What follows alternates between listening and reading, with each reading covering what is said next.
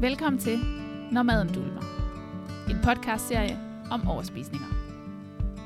Den er for dig, som oplever, at du har svært ved at styre din mad, og hvor tanker om mad og vægt fylder meget.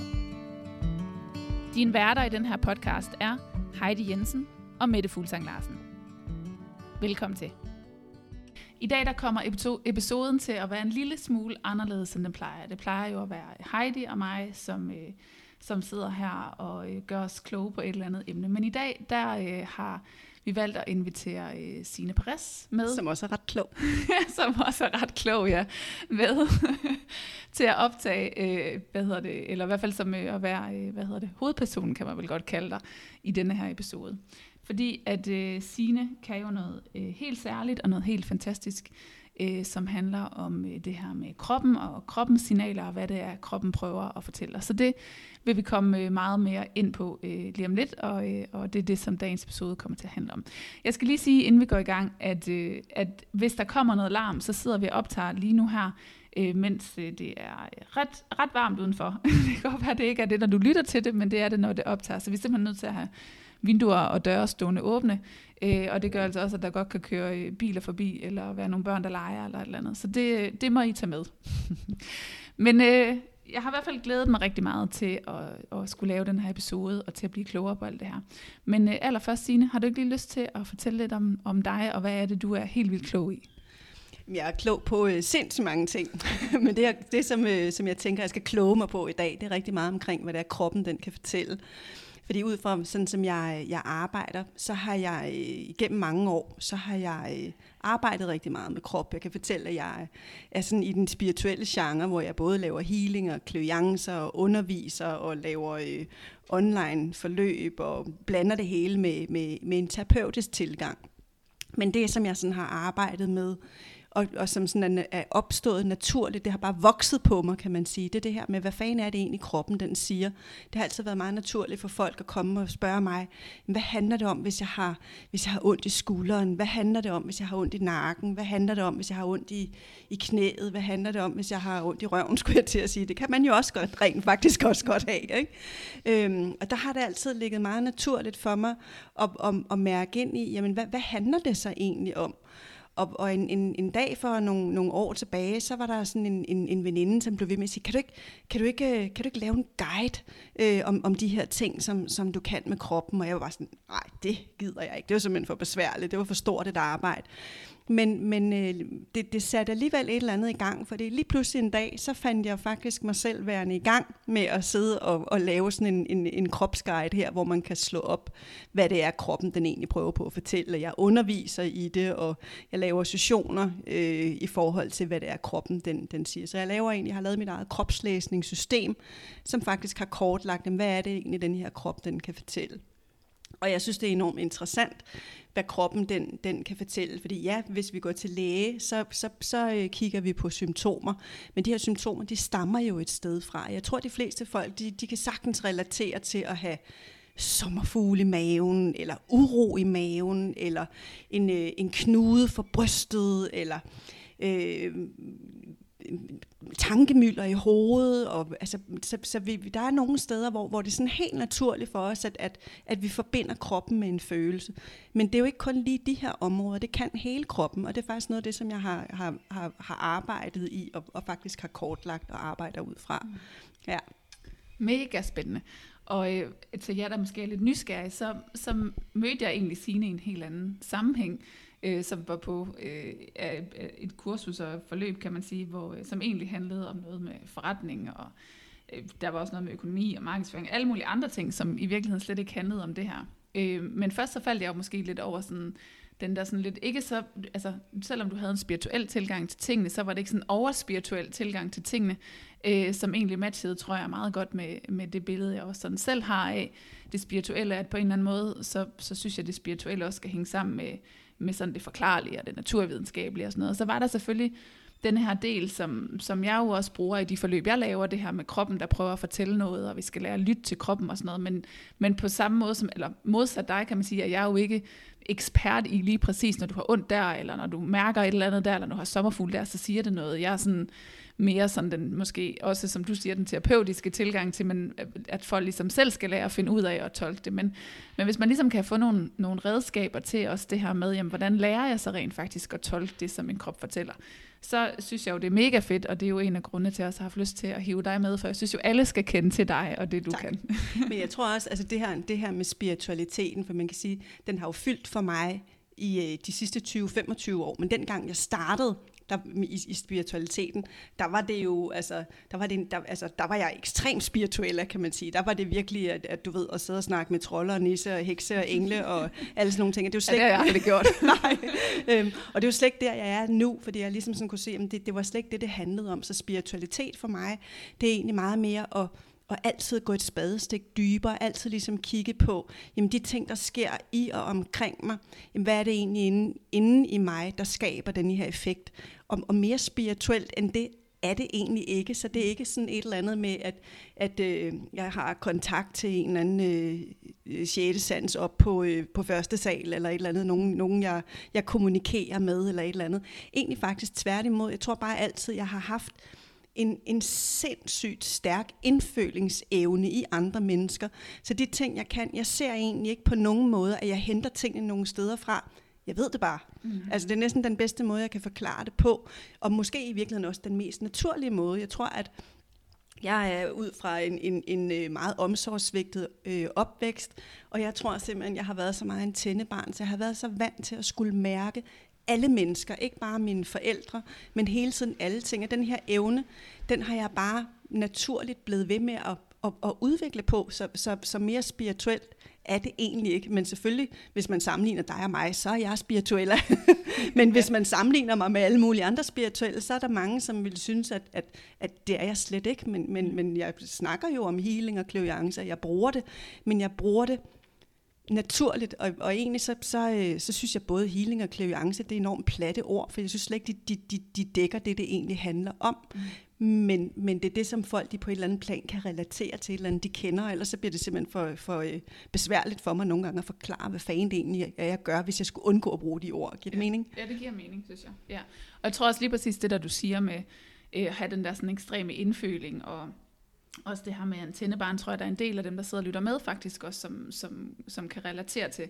Og så er jeg jo godt klar over, at det er jo i forskellige grader, altså hvor, hvor din historie, den kan man jo, hvad vi skal tage den en anden dag, men ellers så kan man jo høre den over på, øh, altså på, på din kanal i hvert fald, øh, at, øh, hvad kan man sige, og nu tabte jeg lige tråden, men, men det her med, at man kan i hvert fald godt, altså det kommer jo forskellige grader, det var det, jeg vil sige, altså af, hvor, hvor udviklet den er, hvor meget man har haft behov for at udvikle den og bruge den, ikke? Øh, og, og hvordan man så også øh, benytter det i dag. Fordi selvom at, at noget af det, som vi jo taler meget om, er det her med, at man ligesom skal lære at komme ud af andre menneskers øh, øh, zone og lære at mærke meget mere sig selv og være sig selv og, og, øh, og hvad hedder det, handle ud for sine egne behov, så er det jo ikke fordi, det kun er en dårlig egenskab at kunne fornemme andre mennesker. Man skal bare kunne lære at finde en balance i det. Ikke? Og det tænker jeg, det er jo også en del af, af det, du i hvert fald har arbejdet med. Ja, fordi man kan sige, at jeg prøver i virkeligheden på at, at filtre mig selv ud af andre mennesker. Så, så, så hver gang, at, at hvis nu for eksempel det er relationer, nu skulle det handle om krop, men, men hvis nu det er noget omkring relationer, der, der, der på en eller anden plan støjer eller larmer i, i, i mit liv, eller nogle af mine klienters liv for den sags skyld, så kigger jeg altid ind af. Altså, hvad, hvad handler det om for mig? Hvad er det, der gør inde i mig, at, at, at der øh, kommer dramaer? Hvorfor er jeg et match til de her dramaer? Så det er det, jeg kigger på. Men jeg går jo så spadestikket dybere også, og ligesom kigger på, jamen de oplevelser, jeg har haft i relationer for eksempel. Jamen, hvor er det egentlig, jeg mærker, de har sat sig hen i min krop? Hvad er det for en støj, det har givet i min krop? Fordi alle de ting, som vi ikke har, vi ikke har bearbejdet, de sætter sig i vores krop. Ja, ja. Men hvis vi skal vende tilbage til dagens, øh, til dagens tema, så, øh, altså, så det er noget af det, vi i hvert fald kommer ind på, det er det her med, hvad kan vi bruge det til det her med? Hvorfor er det, kroppen prøver at fortælle os nogle ting, og hvad kan vi bruge det til? Øh, og så kommer vi også en lille smule ind på det her med, at vi har alle sammen nogle, nogle blind spots, eller noget, der i hvert fald er svært øh, for os selv at få øje på. Det er altid nemmere at se alle andre menneskers fejl, men det er enormt svært det her med at se sine egne. Øh, så det kommer vi også en lille smule, øh, en lille smule ind på, og også øh, hvad det kan give af symptomer, når, når vi ikke får hvad kan man sige, taget hånd om de blind spots, vi har. Øhm, og så øh, kommer vi også lidt ind på noget med noget forskellige øh, energier, noget maskulin og noget feminin energi, men det skal vi nok fortælle meget mere om, hvordan det hele hænger, hænger sammen ind i det her. Men Signe, vil du ikke lige prøve at starte med at, øh, at fortælle en gang øh, lidt om det her med, altså hvorfor er det, vi skal kende og lytte til kroppens signaler, og hvad er det egentlig, kroppen prøver at fortælle os? Jamen altså, jeg, jeg, jeg ser egentlig, jeg, det, jeg, har, jeg har nogle gange så tænkt over selv, hvad fanden er det, hvor, hvorfor er det, altså hvorfor er det kroppen, den fortæller alle de her ting, hvad fanden handler det om? Og, og i mange år egentlig heller ikke set, helt forstået det, men, men jeg har efterhånden erfaret, at det, det som kroppen den kan, det er, at den, eller man kan sige det på en anden måde, kroppen det er sjælens talerør.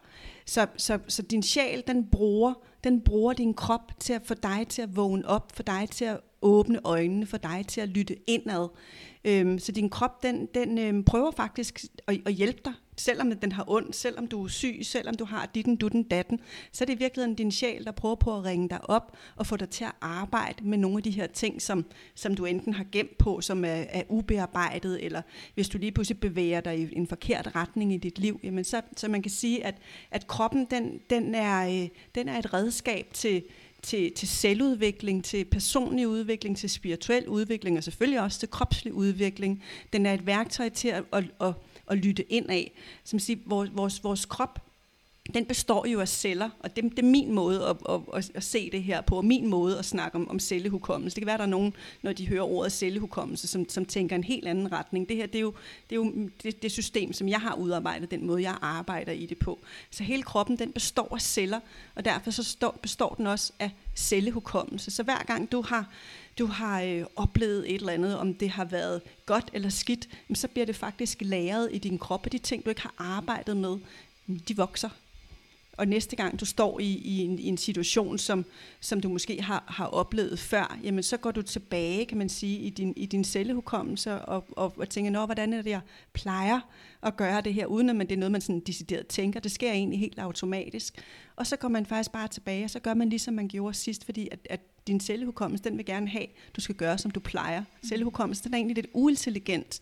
Øhm, hvis nu man sammenligner det for eksempel med immunforsvaret, første gang du har fået en en virus, eller et eller andet, du er blevet syg af, jamen så, så bliver du som sagt syg. Men næste gang, så vil din krop, så vil den prøve at besejre det her. Det er et intelligent system. Cellehukommelsen er uintelligent, øh, fordi at cellehukommelsen, den, den vil bare have, at tingene skal være som de plejer. Så, så nogle gange, så, jeg, jeg tror, kender du ikke det her med, at man kan tænke, at jeg skal jo bare gøre sådan og sådan her. Hvor svært kan det være? Jo. Men når man så kommer og skal gøre det, så kan man føle sig fysisk forhindret. Man kan næsten føle, at man, man ligger i benlås eller øh, øh, har spændetrøje på. Man kan simpelthen ikke. Man føler sig fysisk forhindret. Det er simpelthen fordi ens cellehukommelse, den siger faktisk noget, noget andet. Og det er jo ikke noget, man gør for at skade sig selv.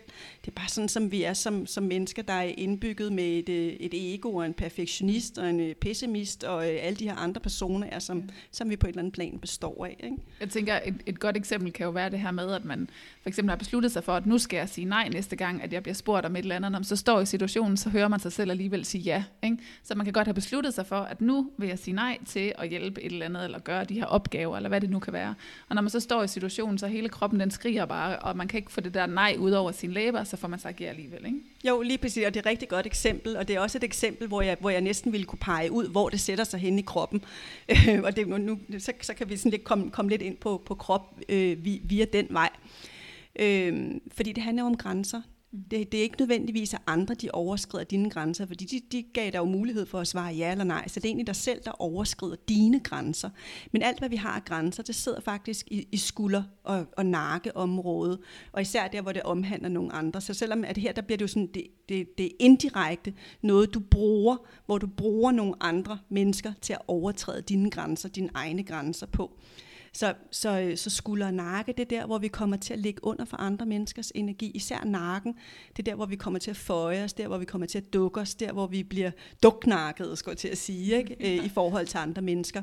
Men, men, men der er jo altid, altså, øh, der, der, der er poler i det her, hvor jeg siger, vi, vi har sådan en skala i det, så vi kender, vi kender egentlig begge poler, for vi kender også godt nogle gange, at vi har nogle mennesker, som vi synes, der øh, vi har lyst til at tryne dem lidt, vi har lyst til sådan, de irriterer os lidt, vi kunne faktisk godt tænke os at, at tvære dem lidt ud, øh, og det lyder jo ikke særlig sympatisk, men vi består alle sammen af det, så vi har også den her del i os, hvor, hvor at, øh, at vi egentlig gerne vil have nogle gange, at der er nogle andre, der skal ligge under for os, men vi har også den her, hvor vi kommer til at ligge under for andre, det vil primært være nakken, som, som det sidder i. Og hvis nu det så er skuldrene, øhm, det, det handler rigtig meget om der, hvor vi tager det store læs, der hvor vi tager overansvar, der hvor vi den, der løfter alle andre menneskers byrder, og ikke ser vores, øh, vores eget, fordi vi gør andre vigtigere end os selv.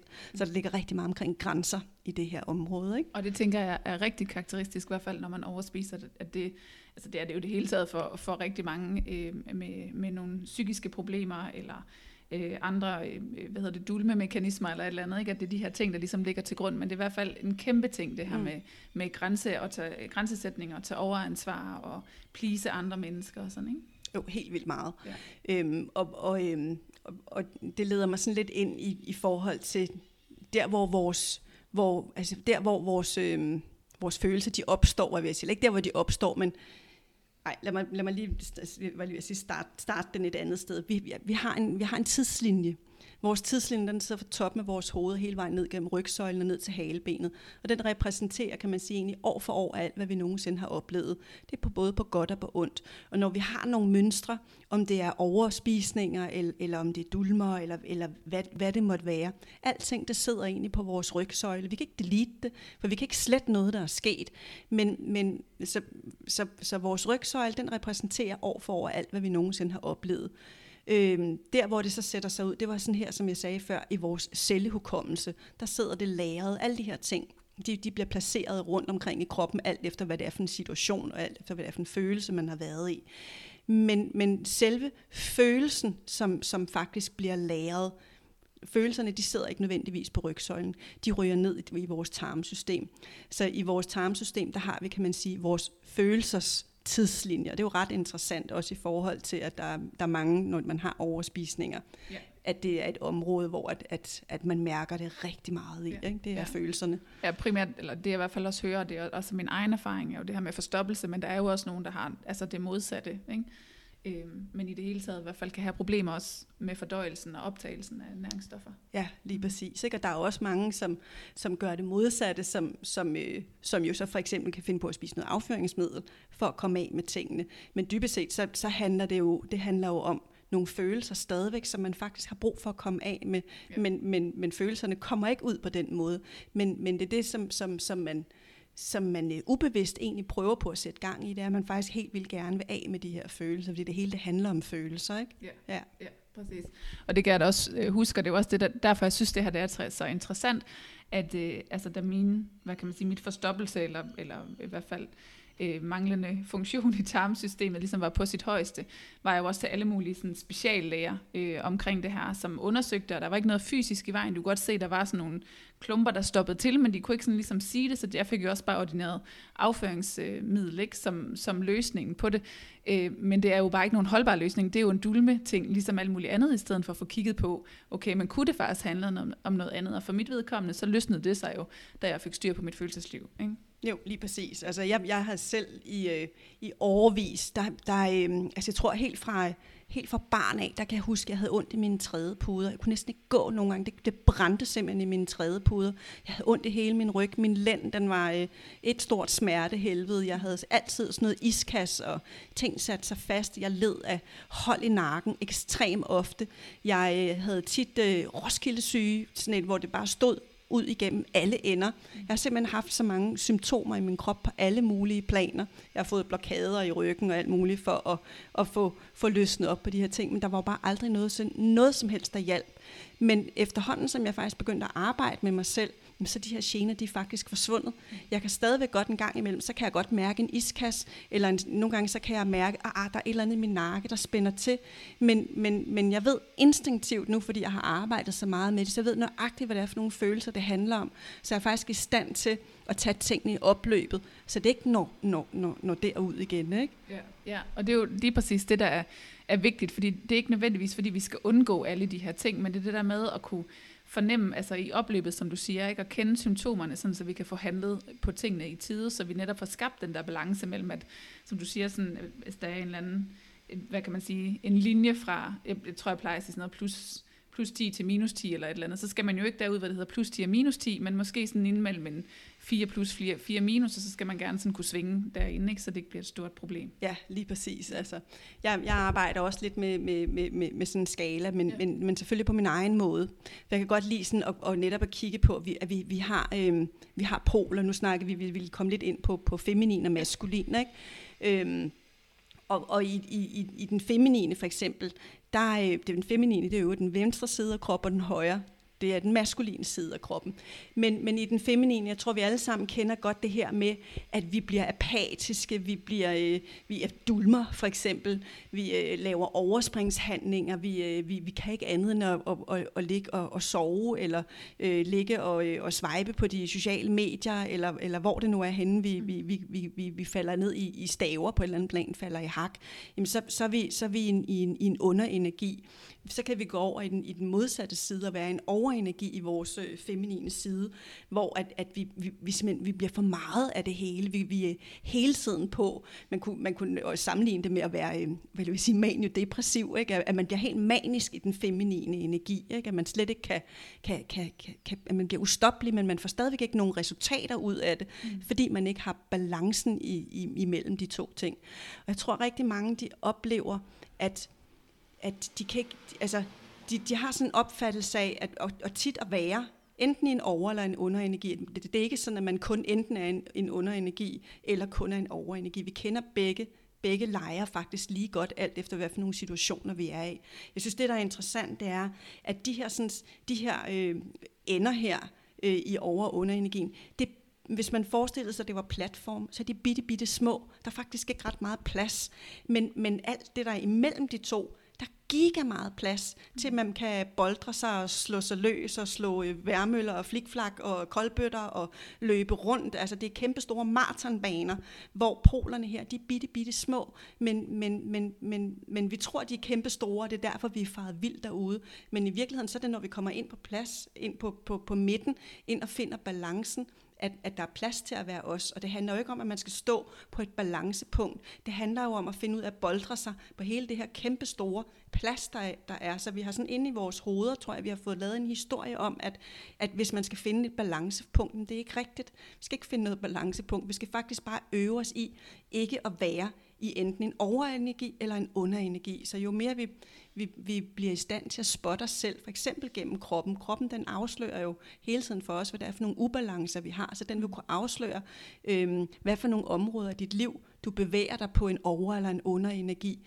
Men den vil også kunne afsløre, hvad det er for nogle ressourcer, du har indeni til at faktisk at komme ind her, hvor at, at du hvor jeg ved ikke, hvad jeg skal kalde det, hvis ikke jeg skal kalde det balancepunkt, fordi at, at balancepunkt, så kommer det til at lyde, som om at man står på en nålespids, og det, og det er det stik modsatte, som sagt. Ikke? Der er masser af plads herinde. Ikke? Jeg plejer også at bruge det der ord med, at man skal være i balance, men som sagt, så, så er det jo, altså, mellem sådan en plus-minus på en, en 4-5 stykker eller et eller andet, så det er jo ikke den der, men så skal man ind og ramme 0, altså fordi så, så kan du ikke, altså kan du ikke udfolde dig, sådan er vi ikke som mennesker, så, altså der er ikke nogen mennesker, der er perfekte, og vi vil jo blive trigget af alt muligt i vores liv, som vil gøre, at vi kører ud af det ene spor eller det andet spor, eller der er brug for nogle gange, at vi kører ud af det ene spor eller det andet spor, ikke?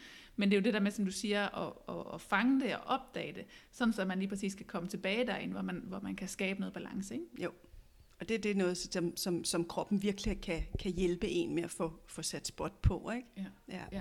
Jamen, så hvordan kan man bruge, altså, øh, ej, jo, nu skal jeg lige se med det, jeg skal spørge om først, for jeg får lyst til at spørge om, altså, hvad man kan bruge alle de her sådan, af kroppens signaler til, men jeg har også lige, lige lyst til, fordi altså alt det her med maskulin og feminin energi, hvis man ikke har hørt om det før, kan det jo godt være sådan lidt hokus pokus, tænker jeg. Øhm, og, og der var jeg sådan ligesom, hvad kan man sige, øh, står i, eller sådan det, som, som jeg i hvert fald bruger, er jo det her med, at vi måske, altså rigtig mange af os i vores generation er jo vokset op i en meget maskulin energi, hvor det har handlet rigtig meget om at skulle præstere og skulle yde og skulle handle på tingene, og der har ikke været nødvendigvis så meget fokus på det her med at være og nyde og modtage og sådan noget. Øhm, så for mig er det jo også sådan en tilgang, der godt kan være sådan lidt, okay, men hvad skal jeg bruge det til? Fordi at, at mit mindset jo i rigtig mange år har været det her med, at jeg skal præstere, jeg skal yde, og jeg skal handle. Ikke? Så, så hvordan ser du, og hvordan vil du forklare altså hele det her omkring det maskuline og det feminine? Hvorfor er det overhovedet vigtigt at, at forholde sig til? Altså, det, man skal, man, jeg, jeg tror, at, at især kvinder, jeg tænker også, at dine, der, der er flest af dem, der, der lytter til dig, der er nok flest kvinder. Det kan godt være, der dukker en mand op en Ja, der er gang også et imellem. par mænd, men ja, flest kvinder. Ja, der er nok Ja. flest kvinder. Men, og mændene, de kender det selvfølgelig også, men, men, men det her med, at vi, vi er så kontrolleret, og også hvis, især hvis der er noget omkring mad, så kontrollerer vi rigtig, rigtig meget på, på alle planer, og så er det uanset om det er en overspisning eller en underspisning, så er vi rigtig meget i kontrol. Øhm, og, og øhm, hvad var det, jeg ville sige? Nu tabte jeg lige tråden. Altså, at vi, vi, vi på et eller andet plan, så har vi, så er vi opdraget til, ja, at, at det maskuline, jamen, så er det præstere, det er noget, vi putter tingene i kasser, og vi har sådan en tendens til måske i virkeligheden at gøre det lidt negativt. Mm. Men vi skal jo huske på alle de gode ting, der er i det maskuline, fordi hvis ikke vi havde det maskuline, så ville det feminine slet ikke kunne fungere. Øhm, så, så, så vi skal have maskulin energi. Der er bare igen det her med, at, at, at vi, skal, vi skal dele sol og vand nogenlunde lige imellem de her energier. Ikke? Øhm, og og øhm, jeg, jeg, jeg jeg ser bare sådan en, en enorm stor tendens til, at vi kommer til at og, øhm, og nogle gange næsten at øve vold på os selv i, i, i, i, i kontrol, hvor at, at altså vi havde, vi havde en snak her, inden, inden vi gik i gang, hvor at jeg sådan egentlig lavede sådan et eksempel, hvor jeg, hvor jeg sagde, at man, man, man nogle gange så faktisk næsten kommer til at penetrere sig selv øh, mod sin egen vilje. Så hvis man prøver at forestille sig, at man både er det feminine og det maskuline, så, så, så det maskuline, det er nødt til, i den tid, vi er i lige nu, at, og, øh, at trække sig lidt og gå lidt langsommere frem, fordi det, det, det feminine er nødt til at være klar, det feminine er nødt til at være varmet op, det feminine er, at, at, at skal være, være klar til at modtage det maskuline. Man kan overføre det sådan og, og, og sætte et helt seksuelt billede på, hvor vi udmærket godt ved, at, at det nytter ikke noget, at vi ikke er klar til den seksuelle akt, medmindre vi er blevet varmet op, for det fungerer simpelthen ikke for det feminine. Så, så, så det maskuline skal give rigtig meget plads til det feminine, for at vi finder balancen. Øhm, men omvendt, så er det også helt vildt vigtigt for det feminine, at det maskuline er der. Fordi hvis, vi prøver at forestille dig, at det feminine, det er, det er nydelse, det er glæde, det er leg, det er spontanitet, det er det kreative. Øh, jeg plejer altid at sige, at hvis, hvis vi, skal egentlig, vi skal faktisk leve vores liv fra vores feminine energi. Øh, men det er ikke ens betydende med, at vi kun skal være der, fordi det er jo det maskuline, der skal sørge for, at tingene kommer. Ikke? Altså, så så, så jo, jo bedre vi bliver til at gå, gå langsommere frem, og det er bare ikke sådan, vores verden den, den, er, den er indrettet. Men, men alligevel så tror jeg også nogle gange, at det er jo i hvert fald en historie, vi får lavet, at vores verden ikke er sådan indrettet. Det er også selv, der bestemmer. Men vi er nødt til at lære det. Og igen det her med, med, med det her eksempel før, med at vi, vi kan tænke i hovedet, at det, det er jo bare sådan her og sådan her, jeg skal gøre. Men man kan føle sig fysisk forhindret i det, fordi ens selvhukommelse, den, den, den, den har været vant til noget helt andet. Måske et mønster, man har haft med fra, fra øh, en, altså den måde, man er født ind i sin familie på, for eksempel. Ikke? Altså det ligger rigtig meget i, i, øh, i, i vores opdragelse. Ja, og noget, noget af det, som jeg også sådan tit plejer at, altså sådan at beskrive det med, eller sådan, den her, i hvert fald den, når man er sådan overmaskulin, er det her med, at tit så har vi sådan et, et, et mønster, at vi allerede når vi står op om morgenen, så har vi sådan en to-do-plan, der bare kører ind i hovedet, og så skal jeg det, og så skal jeg det, og så kan jeg også lige nu at sætte vasketøj, så kan jeg lige nu hænge det op, mens jeg smører madpakker, og så kan jeg, altså sådan, hvor hele dagen sådan er, er tilrettelagt ned til mindste detalje, der hele tiden handler om at præstere og præstere og gøre og gøre og yde og yde, ikke? Men, men den der med, som, altså den feminine med at være og være spontan og se, hvad der sker og sådan noget, den er slet ikke til stede i den der energi. Og, og derfor så handler det jo i hvert fald, i hvert fald noget af det, som, som vi arbejder med, som kan lyde enormt abstrakt, fordi man ikke ved, hvordan man skal gribe det andet, når man ikke er vant til det. Men simpelthen det her med at sætte tempoet ned og slippe nogle af alle de der to-do-ting, som, som man skal. Ikke fordi jeg er imod to-do-lister, men jeg er imod to-do-lister, når, når man bliver for maskulin, ikke? Ja, fordi det bliver jo netop, ja, så får man, altså, så får man øvet overgreb på sig selv. Man får simpelthen penetreret sig selv, fordi man, ikke, at man, man, man simpelthen ikke giver, giver, giver plads til det. Ikke? Og igen det her, men jeg tror, at, at, at jeg, jeg kan også genkende det for mig selv i perioder, hvor at, at så er jeg enten i enormt meget kontrol, så okser jeg ud af, eller også så går jeg i fuldstændig det modsatte, hvor jeg går af det feminine, fuldstændig apatiske, jeg bliver lammet, jeg kan ingenting, jeg bliver øh, nærmest udbrændt. Ikke? Altså har lige været i en periode, hvor jeg virkelig har mærket den her udbrændthed, ja. men, men det er jo fordi, at jeg igennem en længere periode faktisk så har, kan man sige, penetreret mig selv, ikke? fordi jeg har okset alt for mig, jeg har simpelthen givet mig selv de der pauser, mm. og det, det, det, det, det går fysisk i kroppen lige med det samme.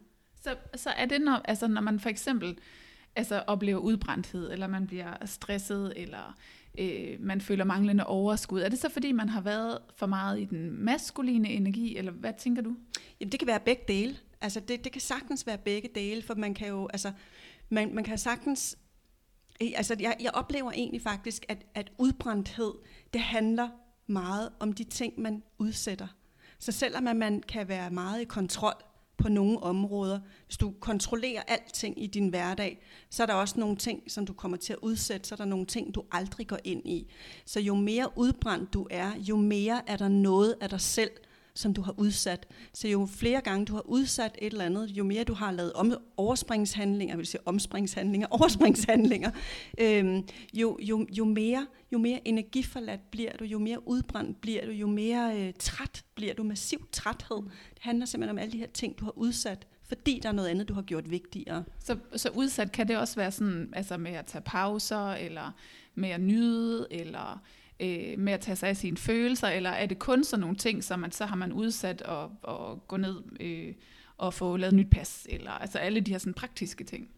Det kan i virkeligheden være øh, i begge dele, fordi at, at det her med at, at, øh, at, at tage sig kærligt af sig selv og holde de her pauser, det, her, det er jo den feminine energi. Mm. Ikke? Over i den maskuline energi, der er det det her med at gå, gå, gå ned og få lavet et, øh, et, et pas, gå ind og få tjekket sine e-boks, huske at få betalt sine regninger til tiden, og så, ting, som man tænker sådan, jamen det, det, er jo, det er jo nemt nok, men hvorfor gør man det ikke? Mm. Altså, så de her ting, de, de, de, de sætter sig, mm. og, og det, det er ligegyldigt, om det er, om det er øh, om, om det er det feminine eller det maskuline. Det er forskelligt fra person til person, tror jeg, mm. hvad for nogle historier man har med sig. Men jeg tror, at, at, øhm, at altså jeg, jeg, jeg, jeg kan se, at jeg, jeg, er sådan, jeg, jeg er enormt kreativ, jeg er meget intuitiv, jeg er rigtig god til mærke, føle og sådan noget. Men lige så snart der er nogen, der siger ordet struktur, så, så, øh, så, så går jeg ind sådan, jeg forstår, jeg forstår faktisk næsten ikke, hvad det er, de siger. Mm. Altså, jeg kan sådan struktur, når jeg kan godt se, at noget mangler.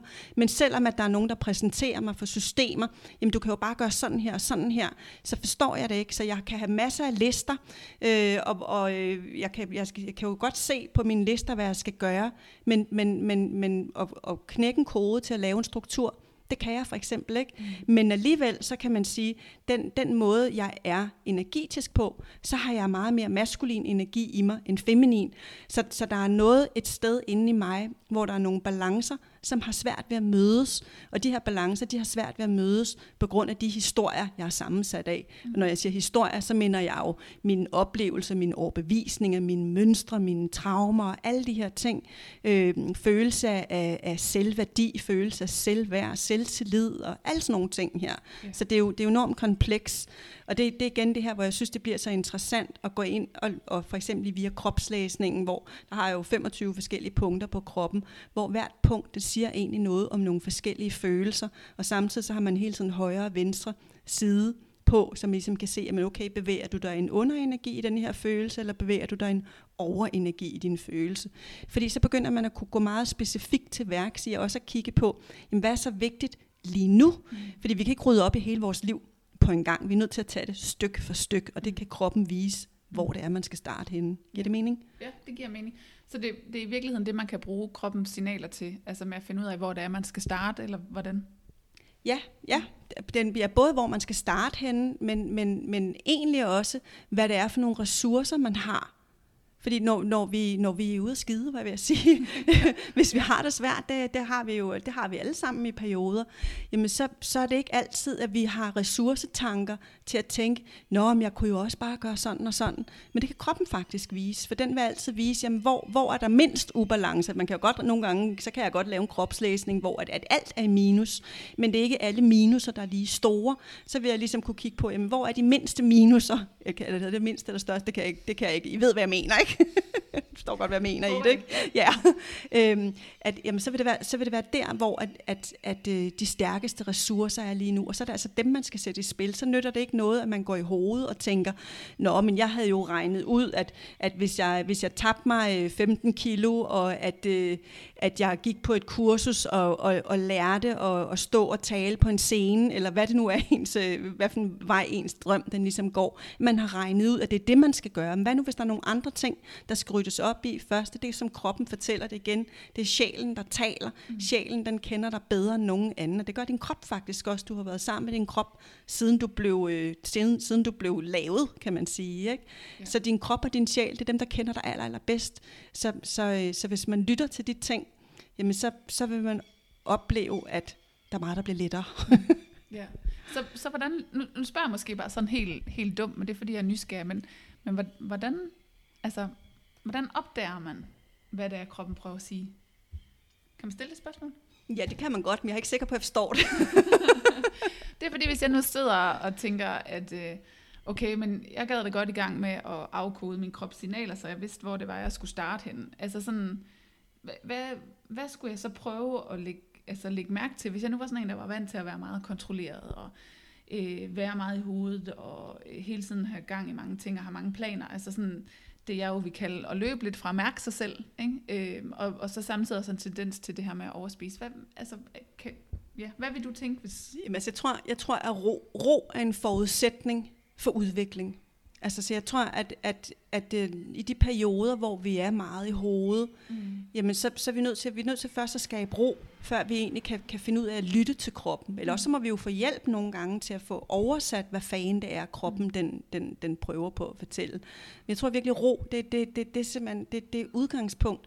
Men det er også der, hvor vi nogle gange bliver trigget allermest, fordi at, jamen, jeg kan jo ikke have ro på lige nu, fordi at lige nu sker der det her og det her i mit liv, og det er også synd for den og den, hvis jeg lige pludselig siger fra. Det kan jeg jo slet ikke tillade mig, og jamen, jeg har så og så mange arbejdsopgaver, og jamen, jeg har faktisk kun øh, 10 minutter til mig selv om dagen, og jeg kan jo ikke bare, altså alle vores historier kommer i spil, mm. og så længe vi ikke er villige til at give afkald på noget af det her, så er vi faktisk heller ikke villige til at vækste.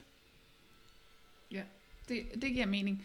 Altså, jeg, jeg tror sådan lidt, det er sådan nysgerrig på det der begreb, altså ro faktisk. Fordi jeg er egentlig meget enig med dig i, at man skal kunne, man skal kunne høre noget. Altså man skal ligesom skulle skabe et rum, før du kan, før du kan høre noget. Øh, men, men i hvert fald, jeg tror for mange af dem, der lytter med, kan det være enormt abstrakt bare det der med at, øh, altså, at skabe ro. Altså sådan, fordi det er jo lige præcis det der er problemet, det er, jo det, det er jo det, man spiser væk. Altså man spiser uroen væk for at skabe roen. Så hvis ikke man skal bruge maden, hvordan, altså, hvordan skaber man så ro? Ja, Jamen, det er et rigtig godt spørgsmål. altså, øh, nu, nu, nu, øh, nu nævnte jeg jo e-boks øh, tidligere, så nu kan I få en historie fra mit liv, ikke? øhm, at, at øh, jeg, jeg er sådan en af dem der, der virkelig kan have svært ved at gå ind på min e-boks. Jeg, jeg, går, jeg går simpelthen i, det er ligesom om, at, at der kommer en spændetrøje på, og den kommer på helt af sig selv. Mm. Jeg sidder foran min computer, jeg kan simpelthen ikke, jeg kan simpelthen ikke logge ind, og jeg ved, jeg skal bare ind og betale to regninger, og læse en mail, og lave en opringning til skat, eller et eller andet, og hele mit system, det går faktisk ned det, som jeg så tænker, sådan begynder sådan at, at tænke, måske lidt fra en, fra, en, fra en lav vibe, fra en lav energi, hvor jeg tænker sådan, og men så må jeg også, så må jeg, så må jeg lige gøre det rigtig rart for mig selv, mens jeg sidder der. Øhm, så, jeg, så jeg laver lige en, en kop af den gode kaffe, øhm, og, og, og jeg, jeg, jeg skærer også lige lidt, lidt lækkerier og sådan noget, og lægger hen, fordi så, så, så, så har jeg omgivet mig med noget, hvor jeg, hvor jeg giver mig selv lidt kærlighed i det. Mm. Og det, det, det er jo egentlig også en, en, en meget sød tanke, men, men i virkeligheden så bliver det jo en overspringshandling. Så, så jeg, har, jeg har virkelig lært mig selv, at når jeg skal, når hvis, hvis det overhovedet skal lykkes mig at logge på e-boks, så er jeg nødt til at bare sætte mig foran min computer, så er jeg nødt til at blive siddende indtil at jeg åbner den, og der kan godt gå 10 minutter, der kan også godt gå en time, der kan også nogle gange gå, at så skred jeg og flygtede og stak af, men, men jeg går ikke hen og dulmer, som jeg, som jeg normalt ville have gjort, fordi igen det her, øh, som jeg var inde på tidligere med vores, de ting, vi udsætter, vores overspringshandlinger, det, det, det er faktisk der, hvor vi tager spændetrøjen på. Mm. Så, så roen, den tror jeg, den, den på et eller andet plan, altså man kan jo ikke sige, at det giver ro at sætte sig foran computeren, men det er i hvert fald første step for mig til, at det kan lade sig gøre mm. at finde en eller anden ro. Så jeg er nødt til at acceptere mit mønster. Jeg er nødt til at acceptere, at, øh, at, at jeg har nogle, nogle, nogle udfordringer, som giver mig spændetrøje på. Jeg er nødt til at acceptere det, sådan jeg har det. Mm. Og det er, det er også nødt til at gøre, når jeg, når, jeg, når jeg kaster mig i køleskabet og laver min overspringshandling. Jeg er nødt til at acceptere, at det er sådan, jeg er. Ja. Det er, meget, det er meget sjovt, du siger det, og det er også et, et godt eksempel på, hvordan det faktisk er altså enormt individuelt det her jo, fordi også da du nævnte det der før med, øh, med struktur, det, det havde du svært ved at udføre, du kunne godt se det på et stykke papir, men du havde svært ved at udføre det, der, altså der er jeg jo lige modsat. Altså, øh, hvis der er noget, der handler om struktur, så, så kører jeg jo ellers bare ud af. Ikke? Men hvis jeg sagde til dig, at du skulle bare gøre det intuitivt, så ville ja, du heller ikke jeg, ane, du skulle gøre. Nej, så vil jeg være fuldstændig lost, ikke? fordi at jeg, jeg har den modsatte af dig, kan man sige. Øhm, og, og i forhold til også til det der eksempel, der vil jeg jo også sådan noget e-boks, det vil jeg jo få fikset. For eksempel, det vil ikke være sådan det store problem for mig. Øhm, men, men som jeg også nævnte øh, til dig her, inden vi snakkede, som jeg også har sendt ud for, øh, for lidt tid siden, øh, nu når I lytter med her øh, på, øh, på mail, øh, en historie om, var jo også det her med, hvordan jeg i weekenden havde enormt mange kæbespændinger. Ikke? Fordi et af de steder, hvor jeg i hvert fald helt sikkert først begynder at mærke, at, at øh, at der er et eller andet galt, det er, hvis jeg begynder at få nogle fysiske symptomer, altså for eksempel kæbespændinger, eller ondt i hovedet, eller hvad det nu kan være. Det kan også være, at få tankemøller, eller bare bliver trist. Det kan være sådan forskellige signaler, ikke? Men, men jeg fik enormt mange øh, kæbespændinger, hvilket handlede om, at der var noget, jeg rigtig gerne ville, så nu skulle jeg i gang med at præstere, for ligesom at kunne opnå det her, som jeg rigtig gerne ville. Øh, som, som handlede om noget med, at jeg gerne ville flytte. jeg ville gerne til et større sted at bo. Ikke? Øh, og, øh, og så begyndte jeg jo at lægge planer for, hvordan skulle jeg så skaffe de her penge, og hvordan kunne jeg nå det, og hvad skulle jeg så have lavet, og alle de her sådan ting var totalt sat i struktur. Men, men jeg kunne bare, altså jeg kunne bare mærke lige, så begyndte jeg bare at spænde op i mine kæber. Ikke? Og, og så kan jeg jo godt, ved jeg jo godt, der er et eller andet, der er galt. Så er der noget med mine tanker, der begynder at, at tage kontrollen og gerne vil styre, hvordan det skal være, hvor min krop så netop begynder at fortælle mig, at det her det er altså den forkerte retning. Der er noget her, du overhører, ikke? fordi nu kører du ud af det der spor, som er mit mønster. Ikke? At så, så dyrer jeg bare, så gør jeg bare, jeg bliver bare ved med at gøre, og så overpræsterer jeg, og så tager jeg overansvar, og så, altså du ved, den kører bare hele møllen. Ikke? Og så, så måtte jeg jo også så, altså for at lytte til, hvad min egen behov reelt var, slippe den her tanke om, at jeg skulle det her, ikke? og sige, det er ikke nu det er bare ikke nu, fordi min krop, den strider bare fuldstændig. Ikke? Og så slappede du af i kæben. Og så slappede jeg af i kæben. Ikke? Altså, og det er jo, og det er jo ja. interessant nok, fordi lige præcis kæben, det handler faktisk om fastholdelse. Det handler om de ting, altså det, man kan sige, det, det er vores, det, det, det, det, de ting, vi skal lære i livet. Jeg ser mm. lidt, at vi har, vi har signet op til, at vi skal lære nogle ting i, i livet. Vi har noget karmisk læring. Ikke at det er sådan karma og strafagtigt på den måde overhovedet. Vi har simpelthen nogle ting, vi skal lære af. Og hvis ikke vi tager den der læring, hvis vi bliver med at gentage vores mønstre, jamen, så giver det faktisk nogle kæbespændinger. Jeg tror, at de fleste mennesker, de, de, de, øh, hvis, hvis, hvis, øh, hvis de bare er en lille smule stresset eller et eller andet, I kan jo alle sammen, dem der sidder og lytter, prøv lige at registrere, hvor sidder jeres tunge henne. Den sidder garanteret mast op i ganen. Ikke? Øhm, der skal den faktisk ikke være. Den skal faktisk ligge nede i undermunden og, og faktisk bare hvile. Men der vil være rigtig mange, der, der, der vil have sådan en følelse af, at de kan slet ikke slappe af, hvis den ligger dernede. Nej, fordi man går og spænder hele tiden.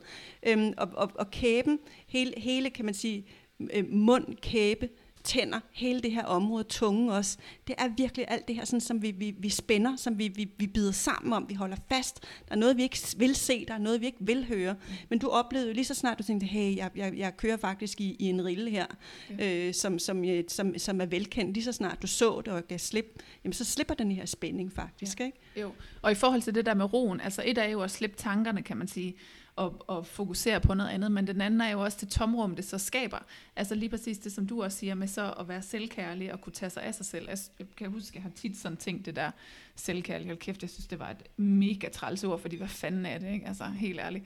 Men, men det der med faktisk at prøve at skabe de der omsorgsfulde følelser inde i sig selv. Altså hvor jeg plejer at bruge den der indre barn tilgang til det, ja. at, at vi forestiller os, at vi har et indre barn inde i, som i virkeligheden har brug for, at vi tager os af det, ligesom vi ville med et lille barn. Ikke? Ja at, at, at når vi så må slippe den der drøm, jamen, så kommer der jo også en, en kederlighed, fordi det var jo noget, jeg gerne ville. Ikke? Men den der kederlighed er jeg nødt til at tage mig af, for at kunne slippe tankerne om det også. Ikke? Så, så det er sådan den mekanisme, der skal til, ja. i hvert fald for mit vedkommende også det, som, som vi arbejder med på min forløb, er jo det her med, og så give sig selv det, man i virkeligheden havde brug for, eller man i hvert fald i stedet for havde brug for, for at få den der ro. Ikke? Jo. Mm. Og, og, og altså egentlig kan man sige, i, i forhold til det her sådan, e-boks eksempel der, at at lige præcis den selvkærlige handling her, det var jo faktisk at sætte sig foran computeren. Fordi at, at selvom man kan tænke, nej, det var, det var enormt selvkærligt at, at omgive sig med, jeg kunne tænde lys, jeg kunne lave øh, yndlingskaffen eller yndlingsteen og yndlings øh, et eller andet, som jeg kunne, kunne sidde og dulme mig i. Ikke? Men det ville jo blive en selvkærlighedsdulmer. Så, så, så i virkeligheden, så, så det her, at man, at man at man bare sætter sig og, og bliver i følelsen, og, og, og respekterer, om det er den her følelse, jeg har. Jeg har lyst til at stikke af for mig selv. Jeg har lyst til at stikke af fra e-boks, fra alt, hvad der hedder mm. offentligt, og banker, og alle de her ting. Jeg har lyst til at stikke af, men jeg bliver her. Mm. Det er virkelig der, hvor selvkærligheden, den begynder at kunne vokse. Mm. Så når man begynder at kunne acceptere det, så kan man begynde faktisk at trække vejret i det, mm. og finde, finde noget. Det er i hvert fald en forudsætning, kan man sige, for at finde ro, så er det, at man, at man altså accept kommer først. Ja.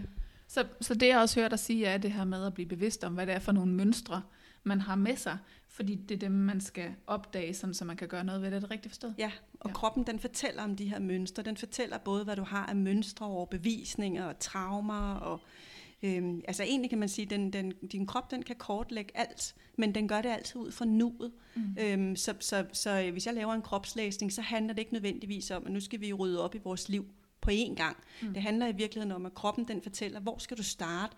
Kroppen den har en GPS, der fortæller dig, hvad for en følelse, der er katalysator til at gå tilbage og hive det gamle shit op. Mm. Og vi kan kun tage det, altså hvis vi ser alle vores øh, ting som pælerødder, så kan vi kun, vi kun hive en pælerod op ad gangen. Mm. Ikke? Og det viser kroppen ja. meget nøjagtigt, hvor det er henne. Ja.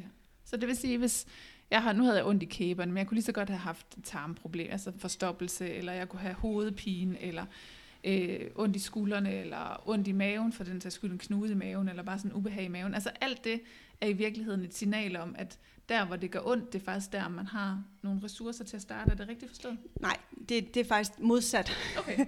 din, dine ressourcer, det er egentlig ikke der, hvor, hvor, hvor det gør ondt. Det er højst sandsynligt der, hvor du har dine minuser.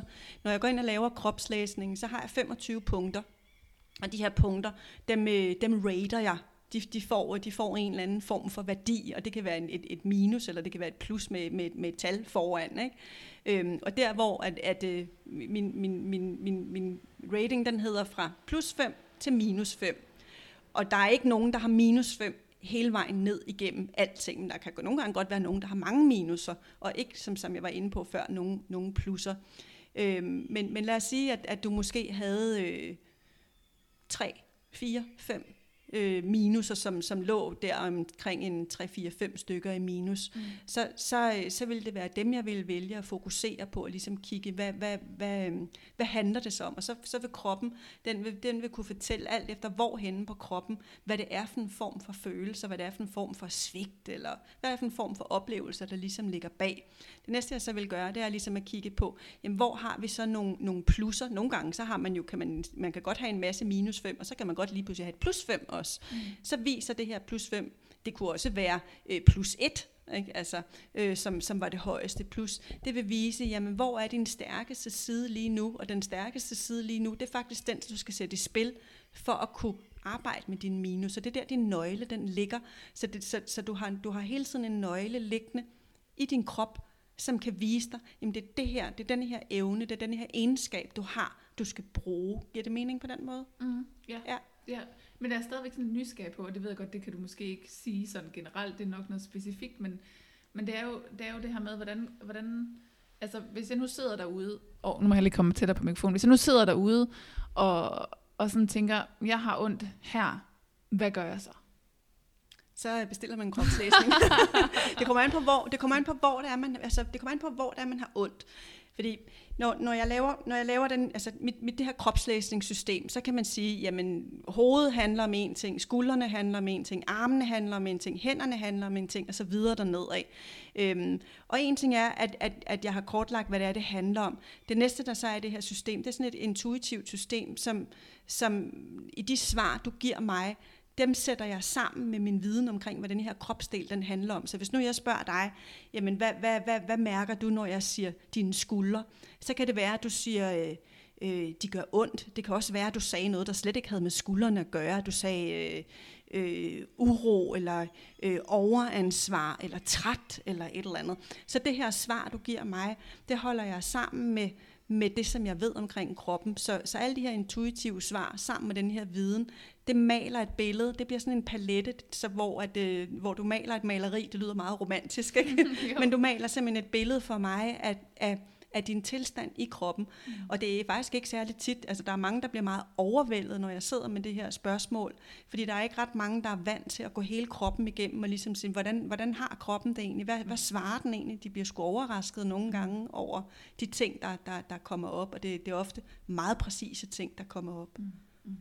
Det er interessant, og i hele taget jo bare interessant, alt det her kroppen i virkeligheden gemmer på, som vi i vores i hvert fald del af samfundet tit, eller del af verden tit, øh, glemmer at, at tage for gode varer, ikke? fordi vi er så meget op i hovedet og tænker hele tiden, at vi skal tænke os til løsninger og tænke os til ting. Ja, vi skal hente løsningerne uden for os selv, og det skal ja. vi jo ikke. Vi skal hente dem inde i os selv. Ja. Og, og måske lige præcis derfor er det så vigtigt at få kroppen i spil, fordi den, den, den arbejder jo indefra og ud. Krop er indefra og ud. Ikke? Ja. Jeg hørte faktisk i går, eller hørte sådan en, øh, en lydbog, som, som faktisk lige præcis fortæller os om det her med, hvis man vil have nogle ændringer i sit liv, så er man faktisk også nødt til at lave et, et indre paradigmeskifte. Ikke? Så, så man er faktisk nødt til at lave det paradigmeskifte ind i sig selv, der handler om at gå fra hovedet, og så i stedet for at være meget mere opmærksom på, hvad det er, kroppen fortæller. Fordi hvis vi bliver ved med at forsøge at finde løsningerne op i hovedet, som vi altid har gjort, så sker der ikke nogen forandringer.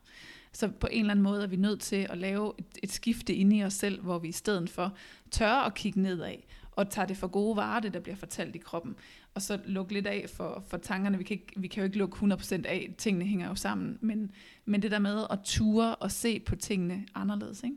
Og, og, og altså, sådan, set med mine øh, spirituelle briller, kan man sige, mm. så er det lige præcis det, som tiden den handler om lige nu. Jeg snakker sådan meget om det her med, at vi, vi, vi går fra, øh, det er sådan meget urtet, det der kommer nu, ikke? Så, så dem, der ikke, der ikke, der ikke kan, de kan lige gå ud og tage et glas vand. øhm, fordi ja, at vi, vi, ligesom, vi, vi, vi går fra det, som kalder den gamle tids energi, til den nye tids energi. Vi er ikke den gamle tids energi. Jeg tror mm. rigtig mange, de kender det her med, at jamen, alting ser jo ud, som det plejer. Øh, vi føler os egentlig også, som vi plejer, men når vi handler på nogle ting og gør, som vi plejer, så er der bare ikke en skid, der virker. Mm. Øhm, og, og, og det kommer aldrig til at virke igen. Så, så den nye tids energi, den handler rigtig meget mere om egentlig at hele tiden at være oppefra og ned. Hver dag åbne en, en, en ny der op og se, jamen, hvad, hvad, hvad sker der i dag? Vi kan ikke bruge vores erfaringer til ret meget længere. Så der, hvor vi, vi bliver trygge, der, hvor vi kan give os selv allermest selvkærlighed, det er i virkeligheden ved at acceptere, at, at der er ikke to en, ens dage længere. Vi kan ikke regne noget ud. Øhm, så, så den, den gang, det lyder som om det er forfærdeligt længe siden, at vi var i den gamle tids energi, der, der, der kunne vi ligesom læne os op af, af vores erfaringer, eller vi kunne indse, at ja, måske bliver det sådan her, sådan her. Så fandt vi en eller anden tryghed i det. Mm. Men dybest set er det jo en falsk tryghed, for vi kunne jo stadigvæk ikke vide det. Nu er vi bare et sted, hvor du kan ingenting vide længere. Så jo mere du kan slappe af i det, og ligesom sige, okay, så må jeg tage tingene oppefra og ned. Jeg tager tingene, som de kommer. Det kan være pisseangstprovokerende, især hvis man er meget i, i det maskuline. Ikke? Ja. Men det kan også være rigtig svært, hvis man er meget i det feminine.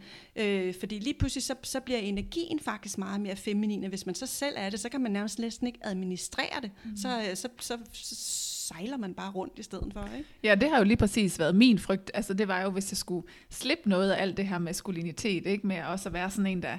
Altså, hvem var jeg, hvis ikke jeg var sådan en, der kunne øh, præstere meget, eller være effektiv, eller øh, have styr på tingene eller sådan noget. Var jeg så bare sådan en, øh, der sad i sofaen og blev doven og ikke øh, lavede noget? Og, altså sådan, det, jo, det har jo i lang tid været min største frygt. Jeg skal, det er da heller ikke nogen hemmelighed, den kan da stadig komme op i ny og næ, ikke? Altså, hvor jeg synes, at åh, oh, fuck mand, så kan jeg bare sidde sådan. Altså, men, men det handler vel igen om balance? Ja, det gør det jo, fordi at, at, at, at her der, der, der, der går du jo, enten så bevæger du dig i en underenergi, eller også så er du en overenergi. Du tillader dig ikke at være på det her kæmpe store space, hvor man kunne være et eller andet sted midt imellem, og man kunne, kunne sige, jamen øh, i dag holder jeg i hvert fald fri, og i dag er det her rart, og mm. i dag nyder jeg faktisk øh, de her ting, og i morgen arbejder jeg. Altså, øhm, så, så, så det hele det handler jo om, om, om balance. Ikke? Ja, ja. ja en, en af de ting, som, som, øh, som jeg i hvert fald også har meget fokus på, eller er meget opmærksom på, og, og synes er vigtigt, er jo det her med, at altså, hvis vi kommer for meget op i hovedet og for langt væk fra vores krop, så, så, så er det vel også der, at, eller det er i hvert fald, det er i hvert fald min, min overbevisning, at så er det jo også der, at vi begynder øh, altså at forlade os selv, når vi forlader kroppen og ikke kan mærke os selv, det der tristheden kommer, det der vi begynder at blive lykkelige det der, øh, som, som du også har været inde på, det der, vi begynder at mærke øh, udkørthed, manglende overskud, det der, vi begynder at blive stresset, og som, som du også snakkede om, inden vi startede her, ikke? det her med, at det er jo i virkeligheden også det, der kan føre til depressioner og angster og spiseforstyrrelser, alle de her forskellige diagnoser, man kan sætte på, det er jo i virkeligheden, når vi får lukket for meget af for kroppens signaler, ikke får lyttet til det, og i stedet for forsøger at regne alting ud med hovedet. Ikke? Jo, vi kommer til at klamre os til, til, til, til det, vi tror på, ja. altså som, som, øh, som måske netop handler for eksempel om paradigmer, som, som du var inde på tidligere. Ja. Ikke? Vi får hele tiden lavet nogle historier øh, i, i vores hoved, ud fra de oplevelser, vi har haft igennem vores liv, og det handler rigtig meget om, om, om vores selv, selvfølelse, om vores selvværdi på et eller andet plan. Ikke? Mm. At vi, vi synes, at vi skal, skal leve op til et eller andet. Ikke? Og det skal vi jo dybest set. Ikke? Vi skal bare, altså, det, det, det eneste, vores opgave er, det er jo i virkeligheden bare at være os selv. Mm. Ja. Og det er ikke nemt, skulle jeg helt sige. Nej, det er det altså ikke altid. Også fordi det er jo forskelligt i forhold til, hvem man er sammen med. Altså hvilke mennesker man omgiver sig med, og, og på forskellige dage og sådan noget. Og det er jo lige præcis det, der handler om at kunne være fleksibel ved at, ved at mærke efter, tænker jeg. Men også, også i hvert fald for, for øh, når, når det handler om mad og kost og vægt og alle de her ting, så har øh, altså det samfundsmæssige paradigme i lang tid jo også været, at det handlede om, at man skulle spise sundere og spise mindre og motionere mere. Det var ligesom det, der gjorde, at man, at man tabte sig. Så det har jo også også været hele den der sådan maskuline tilgang med at gøre og gøre og yde og yde og præstere. Ikke? Altså, så, så det er jo også en helt anden måde at se på, at der rent faktisk er noget kropsligt, der kan fortælle dig noget, som ikke nødvendigvis kun handler om at have fokus på det. Men der er også det her med på, på de sociale medier for eksempel, at enten så er det alt det perfekte, som vi ser. Eller også så går det i den modsatte lejr. Mm. At sådan, jamen, nu skal I virkelig se, hvor uperfekt jeg er. Ikke? Så skal man stå og udstille, øh, udstille det i stedet for. Men, men, men hvad alt det, der ligger midt imellem, det er ja. faktisk det, vi har behov for. Ja. Ikke? Alt det normale. Ja. Vi, vi talte lige om tidligere i dag, det der med, at du sagde, jamen, skal jeg så poste et billede af en ostemad? Ja, måske. ja. Måske er den i virkeligheden mere autentisk, fordi det handler jo om, hvad for, en, hvad for nogle ord, der bliver koblet på, kan man sige. Hvad for en følelse, man sætter på. Mm. Så måske i virkeligheden, jo mere man kan vise, det her det er bare mig, jo, jo gladere bliver man. Altså, ja. øhm, og jeg, jeg tror, altså, jeg, jeg, øhm, jeg, jeg er jo meget åben. Jeg, jeg er sådan, altså, der er intet, man ikke må se af mig. Jeg, jeg er ikke en skid privat, hvor jeg vil sige, hvor du, du er meget mere privat, end, end, end jeg er. Øhm, men, men, men det er jo ikke ens betydende med, at nu skal jeg holde op med at, at være så åben og være meget mere privat, og det er ikke ens betydende med, at nu skal du gå ud og, og, øh, og slet ikke være, være, være øh, privat længere, fordi det, det vil jo være, at du penetrerede dig selv faktisk, ja. og omvendt, så vil det også være det for mig. Men, men, men, men for mig, der, der kan jeg mærke, at jo mere jeg tillader mig at, at, at, at dele den og det, jeg er, jo gladere er jeg faktisk. Mm. Fordi at, jeg, jeg, for mig, der bliver det sådan et eller andet, at er ikke nogen, der kan komme efter mig, når jeg selv har sagt det. Men det er jo en ubalance på et eller andet plan. Men, men det er en ubalance, som, som, jeg, er, som jeg er bevidst om, og det er, en, det er en ubalance, som jeg er meget ærlig omkring. Øh, og så håber jeg, at, at, altså, at, at det på et eller andet plan kan, kan, kan inspirere, for det, det, det handler ikke om, at det skal være følelsesporno mm. på nogen som helst, for det udstiller jeg ikke. Men, men, men jeg fortæller da jeg gerne om øh, røvdårlig økonomi, og alle de svigt, jeg har oplevet, og, og, og, og hvor jeg er henne i mit liv nu, og hvordan det mærkes på kroppen. Ja. Ikke? Altså, ja. Jeg har jo også selv øh, haft overspisninger, og har dem ind imellem. Jeg har, øh, hvad hedder det, for lavt stofskifte, og jeg har virkelig sådan mærket meget ind omkring, jamen, hvad mærker, eller hvad handler det om, når man har det her ubalancerede stofskifte. Det sidder jo i halsområdet, og halsområdet, sjovt nok, vores, øh, vores maskuline område, det er der, hvor rigtig mange svigt, de faktisk sidder. Ikke? Øhm, så jeg kan egentlig slet ikke huske, hvor, hvor, hvor jeg ville hen med det. Men, men, men, øhm, det der med at være åben og personlig. Ja, altså, jeg er egentlig balancerne stadigvæk, ikke? og jeg hele tiden have balance i det, men, men, men øhm, jo, det jeg vil sige, var, at, jeg, at det handlede faktisk om ro, med at, at jo mere, at, at jeg kan, jo mere at jeg egentlig bare mig, jo, jo mere er jeg faktisk i ro. Mm. Fordi det, det, jeg, det, jeg skal jo bare være mig, og det giver mig faktisk ro. Men at, at være nået til at være i ro med alle de her ting, det, det, det kræver meget. Det, det, det, er, det, det er kvinden også, plejer at kalde det. Ikke? altså, øhm, at, at det, det kræver virkelig meget. Jeg er ikke kommet sovende til det. Altså, det, det er masser af blod, sved og tårer, skulle jeg til at sige. Det er masser af selvudvikling, det er masser af arbejde med mig selv. Det er hele tiden at lytte ind af, det er at tillade mig selv at give mig selv voldsomt mange time-out, og hele tiden hver gang der er en følelse, at stoppe op og rumme den. Og så kan det nogle gange, så kan det tage lang tid, så kan det tage dagevis eller ugevis at rumme en følelse, fordi jeg kommer til at gå i hovedet, fordi at jeg har en eller anden overbevisning om, jamen, hvad, hvad, hvad, nu, hvis det, hvad nu hvis folk de synes, at det, det er forkert, det jeg gør? Hvad nu hvis øh, alle kunderne skrider, hvis jeg siger sådan her? Eller hvad nu hvis ikke det virker? Eller, altså, alle de her sådan, hvad nu hvis? Det, det, altså, det, det, lige så snart er vi i gang med, hvad nu hvis? Eller jamen, det er også fordi, at så ryger vi i nogle gamle historier, vi er nødt til at kigge på. Ja. Og nogle gange, så, så, er vi ikke, så, så, så, så er vi ikke helt parate til at kigge på det, og så bliver vi i følelsen længere. Ja, ja. Og, og det der du siger for mig har også lyst til at sådan, altså tilføje det der med vigtigheden af, at det her det er ikke noget, hvor du finder et endegyldigt svar, og så sætter du bare sådan et flueben ved. Det er jo lige præcis det her med at lære at, at mærke efter og være i kroppen, altså mere eller mindre hele tiden, eller i hvert fald i en balance, ikke? Fordi at, at som du også siger, når, når for eksempel da vi sad og snakkede, så er jeg jo meget mere privat, end, end du er i hvert fald på sociale medier og sådan nogle ting. Ikke? Og så øh, i går for eksempel havde jeg en snak med, med min kæreste om, øh, det var i forhold til, øh, hvad hedder det, til kønnet på vores, øh, vores kommende barn, hvor jeg jo bare sådan, ja ja, det kan jeg godt sige, og alle mine veninder ved det, og hvis folk spørger om, hvad har vi tænkt af navn, så nævner jeg 25.000, vi har snakket om, ikke? hvor han var sådan et, så var der en, der havde spurgt ham, og han var sådan et, har jeg overhovedet lyst til at sige det, skal jeg sige det, eller skal jeg holde det, ikke? For han er jo meget mere privat, end jeg er, ikke? Ja. og jeg blabber bare ud om de der ting til dem, jeg sådan omgås med, ikke? det er jo det er for mig sådan lidt, når jeg, det er bare sådan, det er. Men, men, men der er vi jo igen, det, det kommer rigtig meget ind på konteksten, og ja, hvem man det. spejler sig i, og hvem man er sammen med og sådan noget. Og det er jo også det der med hele tiden at mærke efter. Altså, men hvad er rigtigt for mig, og hvad er rigtigt for mig lige nu? Og det, der er rigtigt for, for mig i dag, er måske ikke nødvendigvis det, jeg har brug for i morgen. Ikke? Ja, jeg tror lidt det der med at sætte flueben, at, at øhm, det var noget, vi kunne bruge i den gamle tids energi. Mm. Det ligger ikke rigtig mere. Jeg tror, eller det, det gjorde det egentlig heller ikke dengang. Selvfølgelig er der nogle gange nogle ting, som vi kan sætte flueben ved, og heldigvis. Men, men der vil altid komme nogle nye ting, vi skal sætte flueben ved. Jeg tror, min filosofi, det er i virkeligheden meget, at, at jamen, hele vores liv, det er jo en lang proces. Så jo bedre vi bliver til at at være i proces, jo bedre vi bliver til at, at netop at mærke en af ud af hovedet, ned i kroppen. Selvfølgelig er hovedet også en del af kroppen, så det skal ikke helt afskæres for kroppen, i hvert fald ikke hele tiden. Men, men jo mere at vi kan, jo mere vi kan tillader det her, jo, jo hurtigere er vi videre, når der så opstår noget. Og hvis jeg, hvis jeg prøver, jeg kan godt lide nogle gange at lave sådan nogle tilbageblik, hvor så kigger jeg et år tilbage, fem år, 10 år, 15 år, 20 år, så, så, kan, så får jeg er du sindssyg, hvor jeg får sat mit liv i perspektiv på den måde? Er du sindssyg, hvor har jeg lært meget?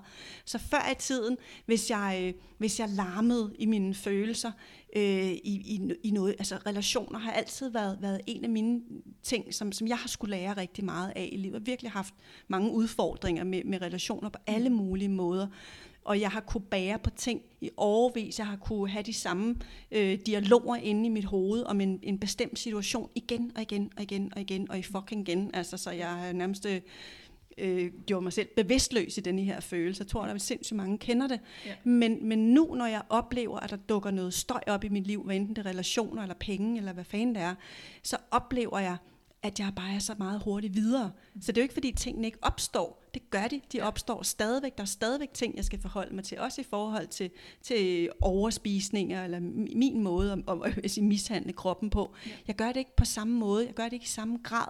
Eller jo, jeg gør det i samme grad, men jeg gør det ikke lige så lang tid før. Så hey, det var sådan her. Så spotter jeg mig selv, og så kan jeg komme videre. Ja. Så før i tiden, hvis, hvis nu man skulle sætte sådan en skala op, så ville, hvis, hvis skalaen den hed fra, fra 0 til 100, så kunne jeg, så kunne jeg støje 95.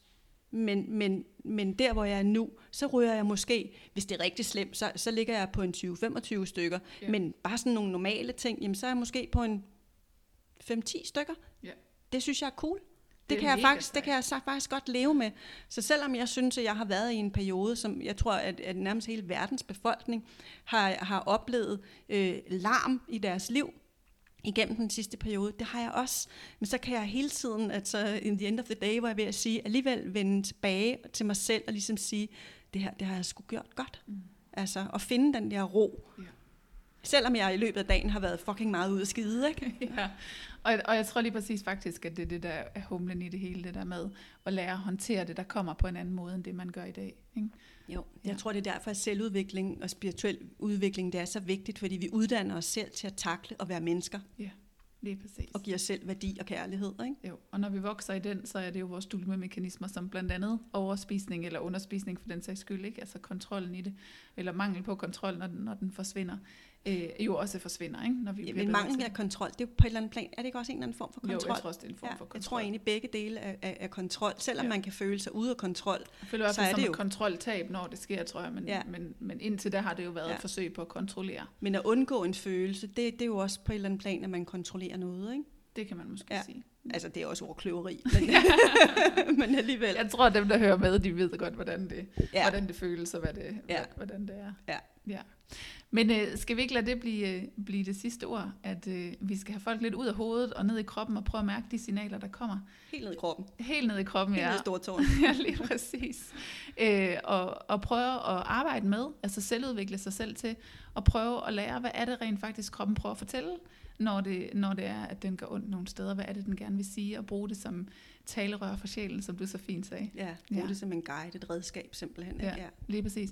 Men Signe, lige her afslutningsvis, hvis man nu gerne vil høre mere til dig, hvor, hvor finder man dig? Jeg er alle vejen på de sociale medier. Hvad skal man søge på så? Man skal søge på, øh, på Signe Perez. Øh, det hedder jeg på Facebook, og på, øh, på Instagram, der hedder, jeg, der hedder jeg også Signe Perez, hvis man søger. Men jeg tror også, jeg hedder kropslæsning. Det kan jeg faktisk ikke helt huske. Jeg kan linke til det hernede. Ja. ja. Så det er der, man finder dig. Ja, og så har jeg jo den her kropsguide. Det kan være et godt sted at starte, hvis man gerne vil, vil, vil vide lidt mere om kroppen. Ja. Fordi den kan man bruge som et lille opslagsbog. Det er en, en, en, en lille bog på 40 sider, hvor hele kroppen faktisk er med. Ja. ja. Ja, lige præcis. Og så øh, har Signe også en gratis Facebook-gruppe, man kan komme med ind i, hvor du nogle gange holder nogle lives, Ja. ja. som øh, jeg også er med i i hvert fald.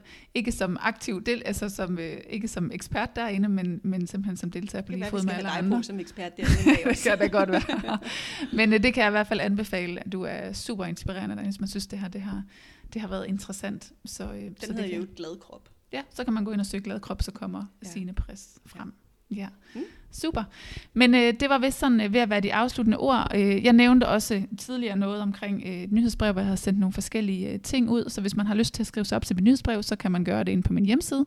Øh, det kan man, jeg tror, der er et sted derinde, hvor man kan gøre det, men ellers så hvis man øh, henter en af de gratis ting, der er derinde, enten tager en test eller henter en af de gratis meditationer, så kommer man automatisk på. Øh, men man kan også finde mig øh, som spisepsykologicoach inde på Instagram, og der, øh, der finder man på min profil også, øh, hvad hedder det, link til at tilmelde sig øh, nyhedsbrev eller mailliste, hvor man får, øh, hvor jeg øh, løbende sender noget inspiration ud, øh, og nogle tips og tricks til, hvordan man kan arbejde med det her. Men så er der vist kun tilbage, Sina, at sige øh, tak for nu. Og, Tak fordi øh, jeg måtte være med. ja, det var dejligt, du havde lyst. Fordi jeg måtte være med. Ja.